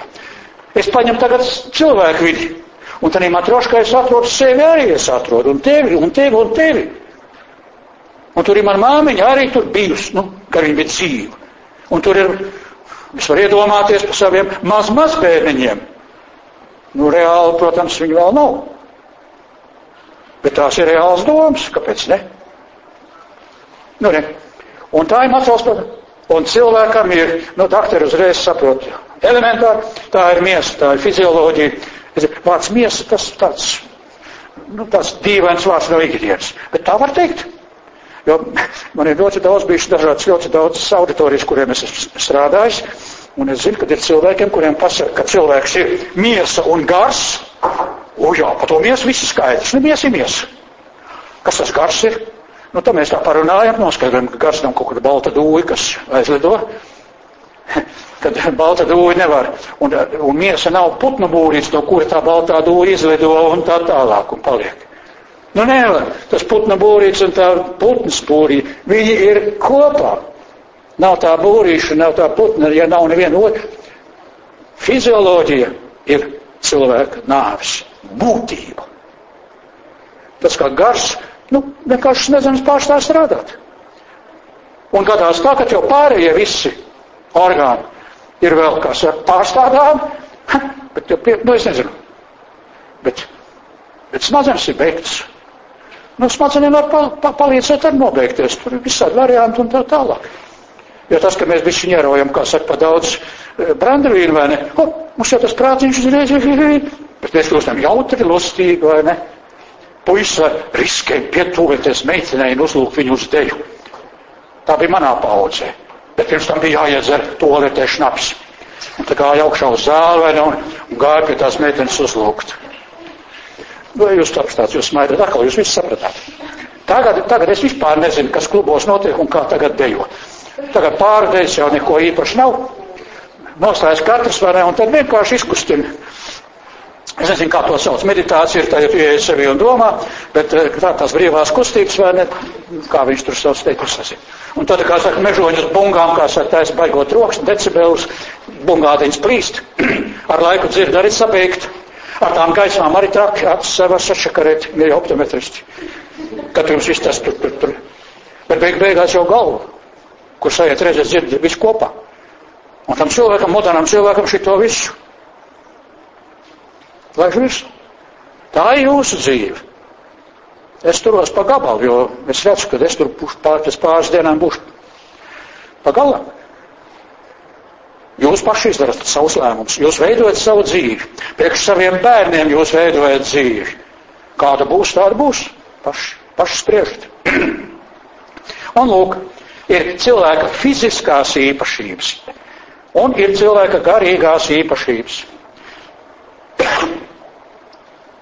un te ir tā doma pasauli. Zin, es jums solīju šodien par to domu pasauli. Iedot pirmo ieskatu. Nu, es to mēģināju darīt. Jā, esam noguruši, tūlīt ar beigsim. Tā, e, kas tad ir sabiedrībā vēl?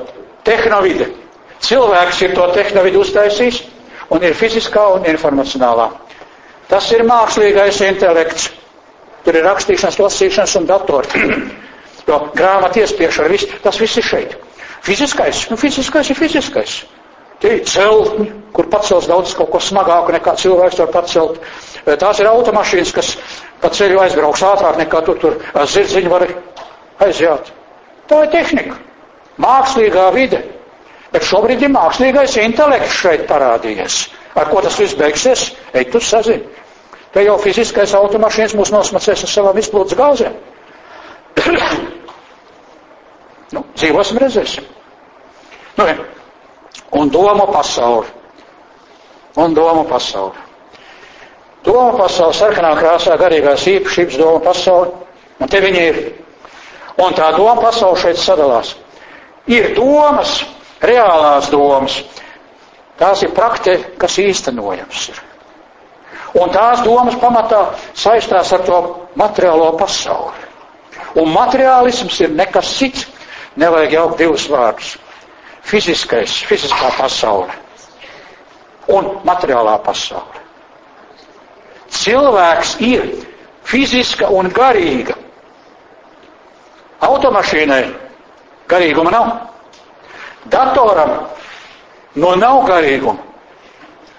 Bet šeit pašlaik skola mācību grāmatas un vispār skola nesakārto domāšanu bērniem.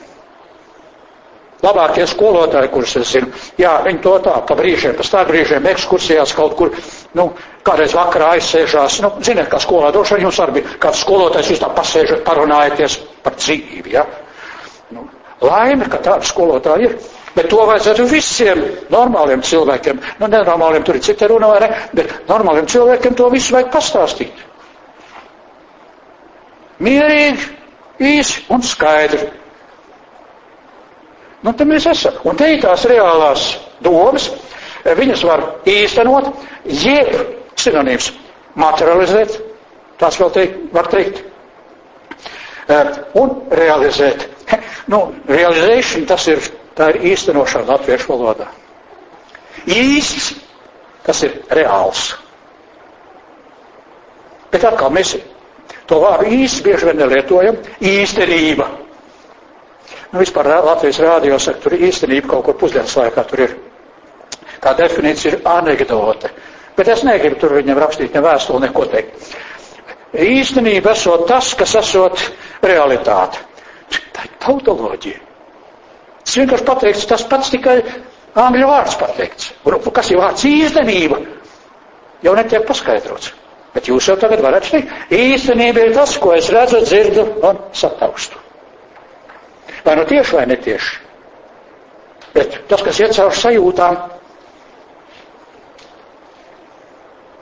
tas ir īsts.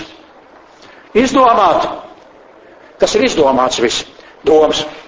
Bet iedomātais, tas ir tas, ko nevar īstenot. Nevar īstenot. Ir iedomātā māmiņa stāv man blakus. Jūs teiksiet, ka tas ir kaut kas nereāls? Nē. Tā var iedomāties, bet tā nav re, reāla doma. Tu nevari nu, to savu māmiņu te blakus reāli doma. Jā, tur ir tava māmiņa, protams, to apbrauks nākamreiz ar māmiņu. Māmiņa atnāks pie mājas, un mēs tā abi bijis pastāvējuši. No savu māmiņu es vairs tā nevaru. Jo manā māmiņa aizgāja, aizgāja fizioloģiski, un, aiz, un pārstājās visi šie procesi, kas ir, kad automašīna bojā, Tad, kad motors vairs nestrādā. Un ka šoferis attur nebrauc. Mašīna, ja viņa ilgi stāv, viņa sarūsies un sapūs, jo nesēž iekšā vadītājs, kas ar to mašīnu brauc. Bet, mīļie cilvēki, gars nav balta dūja, kas cilvēkā ielido vai aizlido. Tās ir visam cilvēkam nezināmā daļa. Mēs tik daudz nezinām. Mēs tikai nezinām, cik mēs nezinām.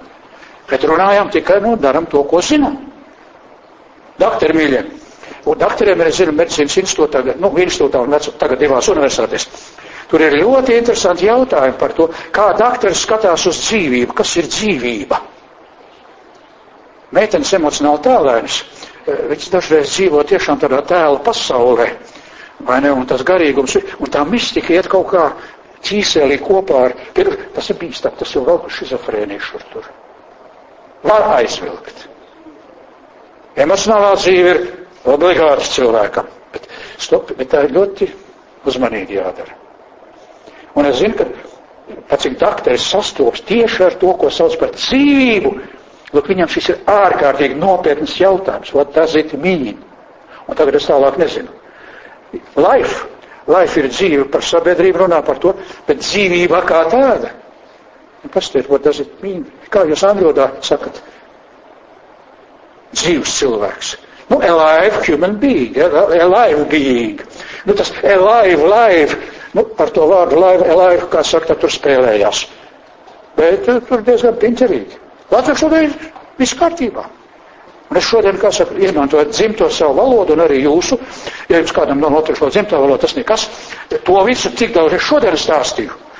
To var jebkurš valodas pratējs, ja viņš drusku iemācās pāris vārdus te un salikt kopā, viss ir kārtībā. To visu var saprast. To es zinu, tā kā es angļu tās lasu lekcijas, es jums saku, sorry, I'm speaking international English Latvian version. Sometimes Uncle Anders version, my personal version. Bet viņi visi saprot, ko es saku. Es saku, redziet, nu, jūs saprotat, bet es nerunāju gramatiski pareizi, jo es nezinu, what does it mean native English today. Nu, varbūt, ka šī, šī atziņa jums, jums arī dzīvē tā būs, kur tik jūs dzīvē nesatiksieties. Esiet tam gatavi. Un nebaidieties tiesa skaidrībā par to, ko tu domā. Tad vien pat, kādā valodā tu domā? Kādā valodā? Un pēc tam Un, nezinu, un iemācās vienu svešu valodu. Daudzos gadījumos pēc tam nākamās nāk vieglāk. Kāpēc? Tāpēc, ka ir uztaustīta šī filozofija Ka tev ir jāzina zīmes, nu tie ir tie vārdi, tās ir zīmes. Un jāzina šo zīmi nozīme. Latviešu valodā zīme, nozīme. Zīme. Angļu valodā, nu, grūti pateikt, nu, tur var kaut ko pieteikt. Nozīme, nu, bieži saka meaning, what does it mean, ko tas nozīmē. Bet, bet tu ir pasarežģīti. Krievu valodā arī мысли un мыслить ir думать. Es daudzreiz jautāju psihologiem, visiem valodniekiem Krievu valodā, saku, kā jūs? Подумать надо. Ага. А когда ты мыслишь? Как ты мыслишь? Когда ты подумаешь, разве ты мыслишь или не мыслишь? Что это такое? Ладно, atvainojos. Es jums tikai tā paspēlēju, tu saprati, jā. Valodas vajag, vajag, vajag, vajag. Krievu valoda ir austrumu valoda un vismaz tuvākā laikā, kā saka to valodu, tā ir, to vērts, tur ir tik daudz gudru prātīgu cilvēku. Berlīnas mūrs, diemžēl, ir pārbīdījies tepat pie Krāslavas jau tagad. Tā, reālās domas, nu ne, Nu, tas viss ir tas, un nu, jau solītās manas jau minūtes ir pagājušas, mīļie draugi. Tā, ar šo tad mēs šodien nobeidzam. Es netiku līdz uzvarošām beigām, bet es skatījos uz jums un klausījos arī savā balsī, un es domāju, tad es būtu steidzies varbūt, vai es nezinu. Mēs labi esam kopā pastrādājuši. Es esmu arī piekusis. Paldies jums par to, ka es esmu piekusis. Nu, tiksimies nākamreiz. Visu to labāko jums!